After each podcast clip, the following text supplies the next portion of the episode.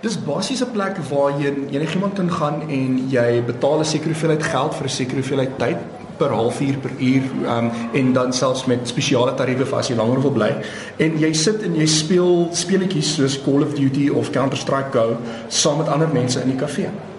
Hoe gewild is hierdie idee van 'n speletjieskafee? Ek sou sê in Suid-Afrika dis nie noodwendig so gewild soos in ander plekke in die wêreld nie. Ek dink daarso is dalk nie soveel aanvraag daarvoor in Suid-Afrika nie. Baie ouens wat aanlyn speel en so.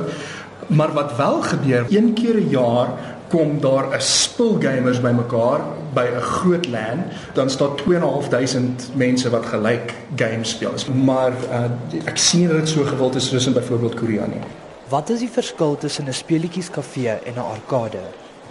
'n Arkade betaal jy per spel. So jy koop 'n token vir 'n rand of 2 rand of wat ook al hulle deesdae kos en dan partykeer moet jy selfs 3 of 4 van hulle in 'n masjien sit om een spel uit 'n masjien uit te kry. 'n Speletjieskafee vra jou vir die tyd wat jy daar spandeer. En dan kan jy soveel speel as wat jy kan binne daai tydperk. Hoekom dink jy sal mense dan na so 'n kafee toe gaan? Wat trek mense se aandag? So dit gee jou 'n plek om saam met ander mense 'n speletjie te speel wat jy bitter baie geniet en uh, wat jy nie noodwendig sal hê op die internet nie en wat jy nie noodwendig sal hê by die huis nie. So almal is nie noodwendig in 'n staat om hulle eie rekenaar te hê wat hierdie soort speletjies kan hardloop nie. Dis die ander ding. So daar is verskeie redes hoekom mense na so 'n kafee toe wil gaan, maar ek dink 'n groot rede is dit gee jou 'n manier om ander mense te ontmoet wat dieselfde speletjie speel as jy en jy speel met hulle in dieselfde kamer.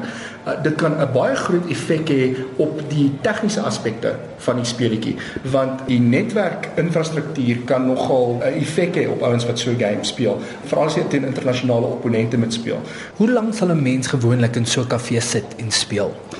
Jong, toe ek dit nog gedoen het die hele Saterdag. Die hele Saterdag gerus. En dan kry jy 'n spesiale tarief. Hulle vra jou, jy weet, X rand vir die hele dag en dan sit jy daar en jy jol games.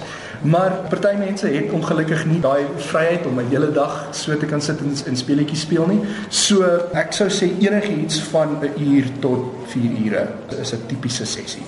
In watter lande is die speletjieskafees mees gewild?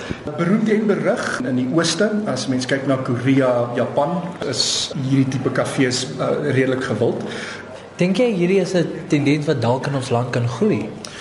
Ek weet nie of dit maar is soos 'n uh, videowinkel wat sy doel dien, maar wat nie regtig 'n massa mark gaan hê nie. So, is daar 'n manier vir hierdie plekke om goed geld te maak en aan die gang te hou? Ek dink so. Uh, gaan daar ewe skielike ontploffing wees van hierdie soort besighede? Ek dink nie so nie.